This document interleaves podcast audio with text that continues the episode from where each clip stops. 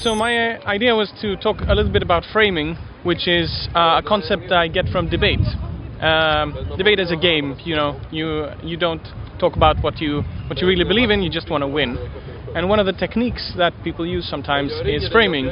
Framing means um, uh, t- talking about an issue, uh, but in your in what you say there are assumptions that are, you know, maybe your interlocutor doesn't share, but because they don't really know that you assume those things, they often they find themselves unable to reply, because you know in your frame what you say sounds uh, logical and you know hard to uh, to counter. Uh, for for example, like a really really simple example, and this is stretching the the definition of framing a little bit is you know when if you leave your car in a like dangerous area and somebody steals it and your friend tells you well why did you leave it there? Uh, you knew it, it was dangerous it basically shifts the blame from the person uh, oh, shifts the blame from the person who who stole your car to you right? Um, and basically it assumes that the responsibility for uh, safeguarding your car is on you uh, it assumes like a society where you know a- any weakness that can, can be exploited should be exploited and that's fine um, but I'm gonna try to talk about a couple of instances where capitalism uses framing um, in quite like I think ways that aren't um, visible in day-to-day life but are important because they are sort of like the base for some really bad claims that it makes. Uh, what suppression? Yeah, yeah, exactly. Yeah, it's a it's like domination uh, of like like idea domination, as you say. Um, right. So the, the first thing I want to talk about is sweatshops. Right. Uh, capitalism uh, often says that sweatshops are good for people.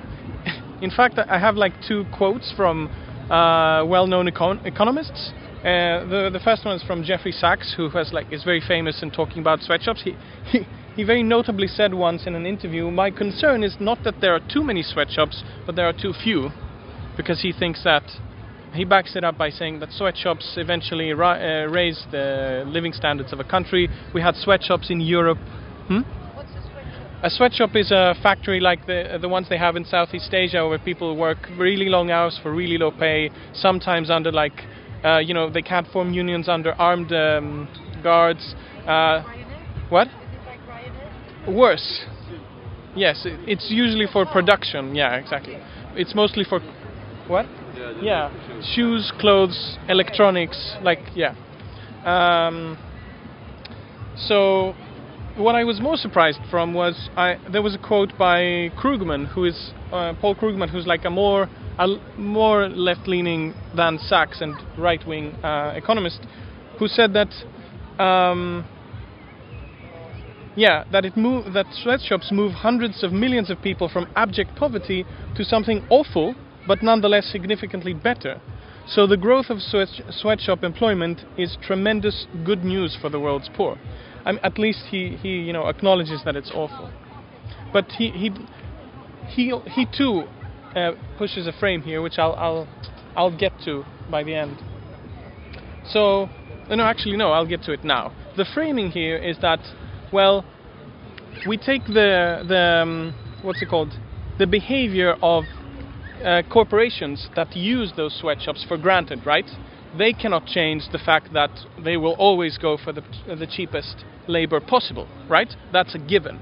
So, given that, of course, it's better for people uh, to work in a sweatshop than work somewhere else. But, like, nobody says that, well, in many cases, we, um, we um, compel, for example, employers uh, to uh, to have better like you know conditions for their employees, and that's another solution of how it could be better for those people without uh, you know destroying the sweatshop. The sweatshop doesn't have to be uh, like um, to be awful or onerous to have onerous conditions. As long as, for example, a company decides that well, okay, the criterion we're going to choose by is not the the lowest wage and the you know the quickest. Yeah, exactly. Uh, if it is, if it also includes like the welfare of the the uh, employ- employees, then they would choose differently. But we don't talk about that because the frame is that well, capitalists will always work that way, and that's how the world works. Um, one th- one uh, p- particularly bad um, thing they say to justify themselves is also that well, I, I read a paper that said uh, well. Western corporations who use sweatshops in the Southeast Asia pay more than the minimum wage and more than any other job in those places, right? And they're like, well, we pay more than the minimum wage, and that should be enough. But people, um, uh, many people, and most notably um, an alliance of people actually from Southeast Asia, people who try to form unions and have formed uh, an organization called the Asia Floor Wage Alliance. Uh, and I think they chose the term. I, I, haven't read about this, but I think that they chose the, the term floor wage to differentiate from minimum wage. Um, oh. Okay. I, will okay. I'll, I'll, try to be more simple. Um, so the idea is that um, the minimum wage in many countries in Southeast Asia is so low that it doesn't give you a decent living.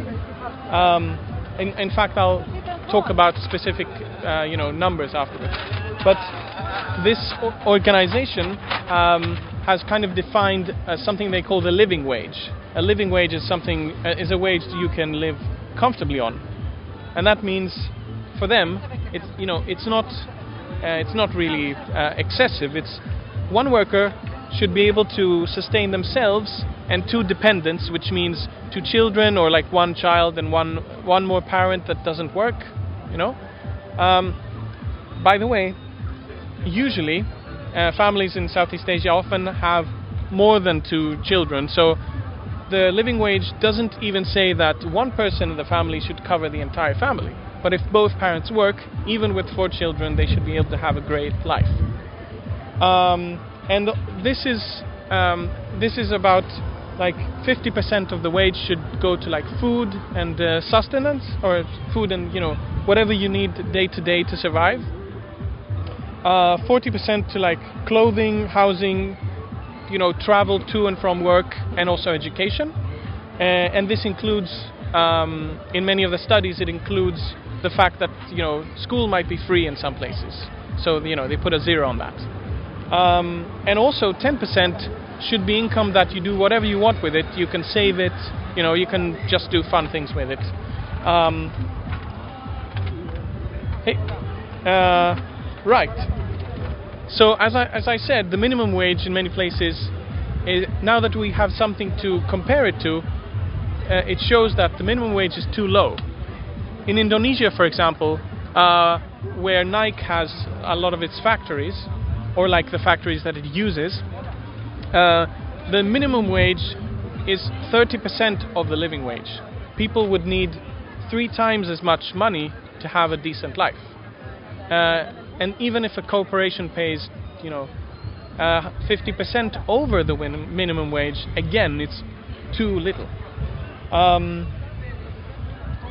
in in the 10 years between 2001 and 2011, it did minimum wage rose about 30%. And that's also a good number that a capitalist might use.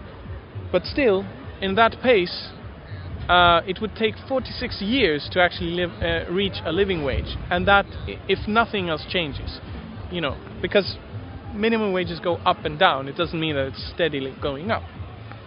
In Bangladesh, the minimum wage is 20% of the living wage. People would need to get five times more money to have a decent life. Uh, and in fact, between 2001 and 2011, uh, the minimum wage has gone down by 2%. So at this rate, it will never reach the living wage. Uh, the one shining example is China, where the minimum wage is 46% of the living wage, which means if they just get double the money, that would make, you know, for a decent uh, living standard. Uh, but even so, it would take 12 years to reach. Um, anyway, the thing, there's a second uh, there's a second frame here, right?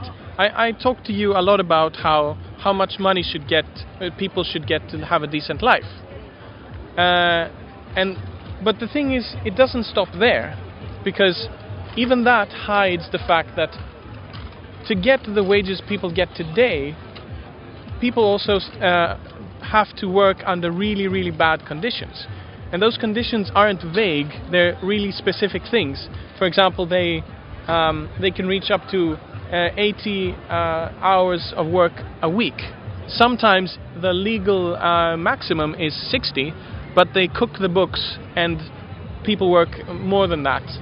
Uh, and often their wages are stolen.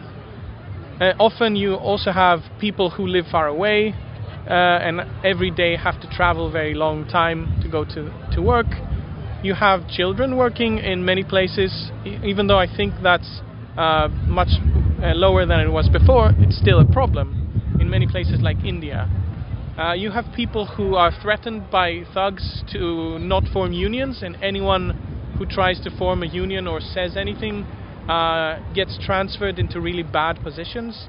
Um, you have uh, because the factories can be far away from your village. Sometimes people have to live elsewhere and see their family twice a year.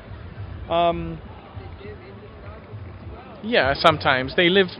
I think that's like extreme, but that exists as well. Um, and the thing is that, so talking uh, the the phrase, um, well, we pay more than the minimum wage to our workers hides both the fact that well that's not enough if you if you think that they should get a decent life and second what about the working conditions? So um, the, the idea with this is uh, we should we shouldn't let anyone trick us into thinking that well at least we're on the right track. Uh, right. Any any anyone have any thoughts about this or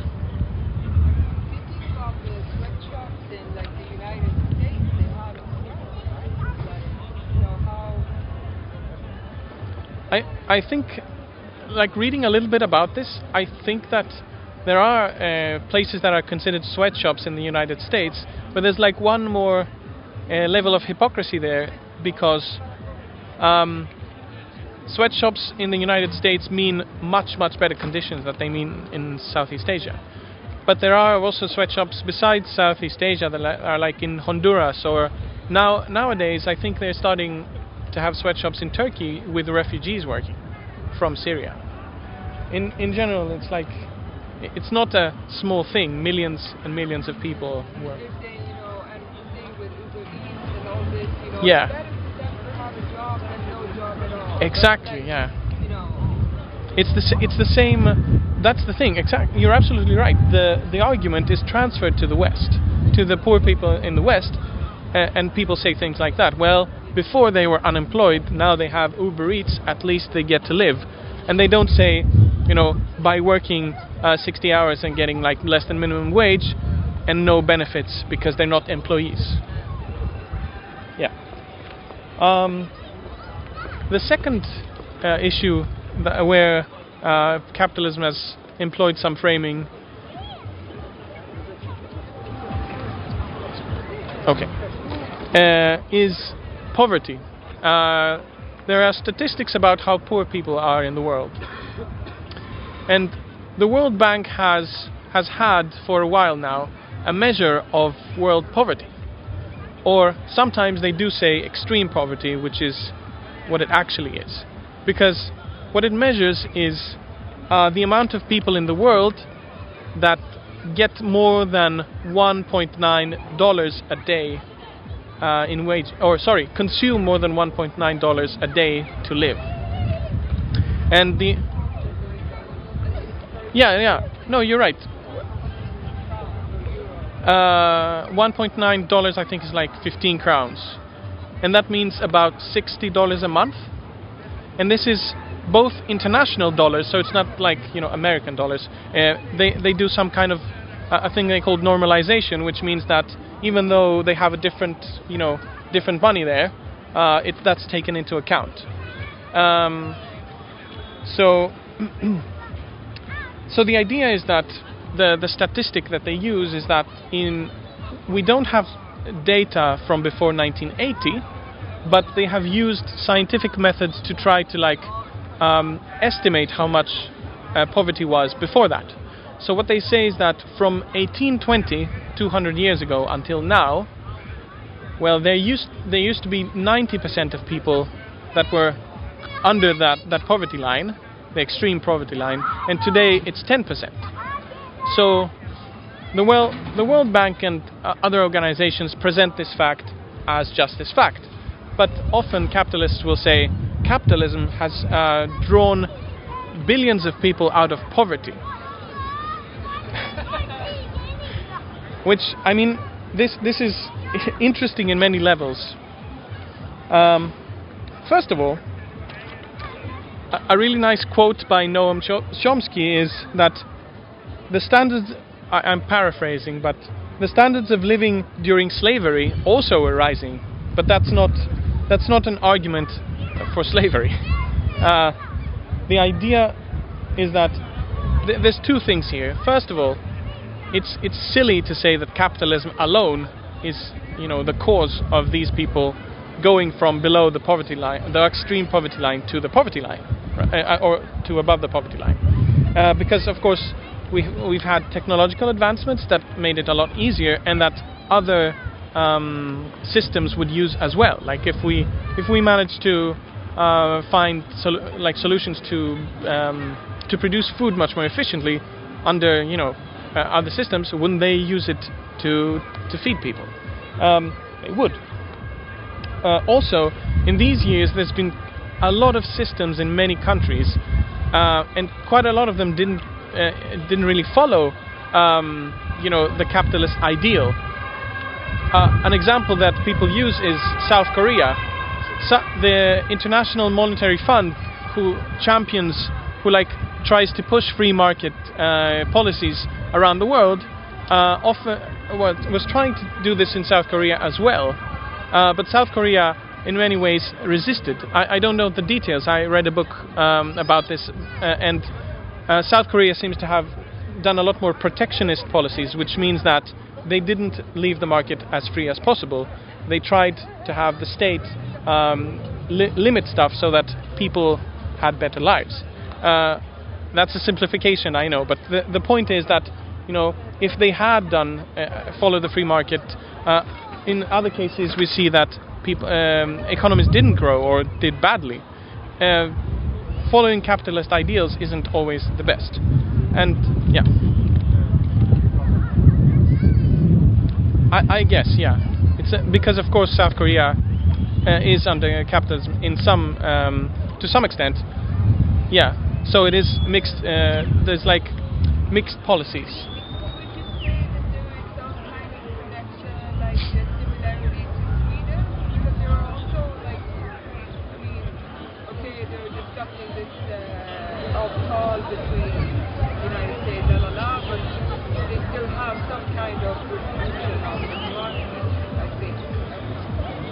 I don't know. I yeah.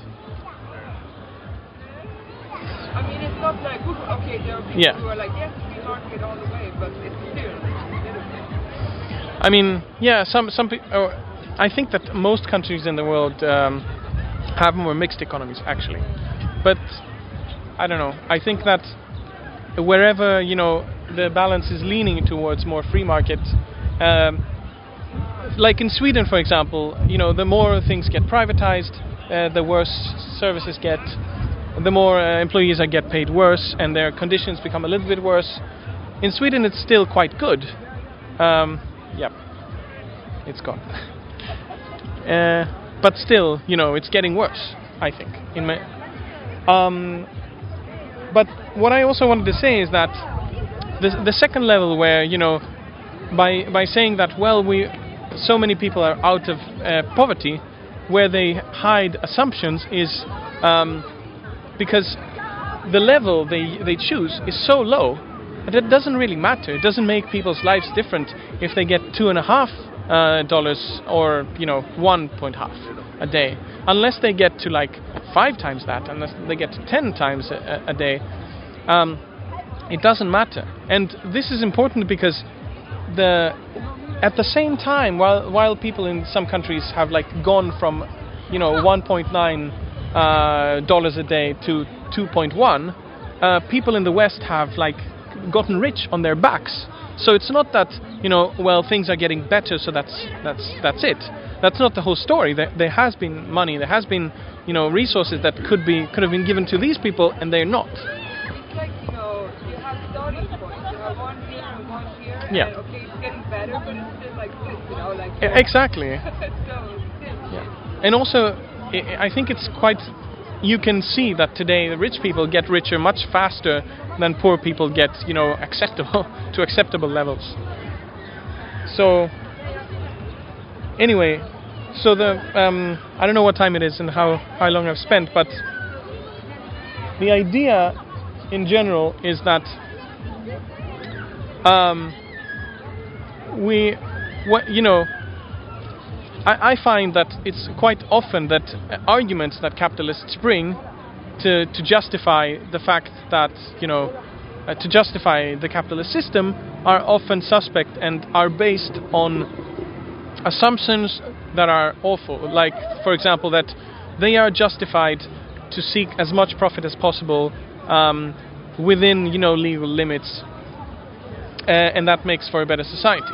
But we, the thing is that um, people in the in the left and in, I think that even some people in the right um, have different values, and we should we should recognize that uh, we disagree because we we come from like uh, fundamentally different values in our base, and we should start like making systems based on those values rather than uh, doing what's viable under capitalism. So yeah, I think that's, that's it.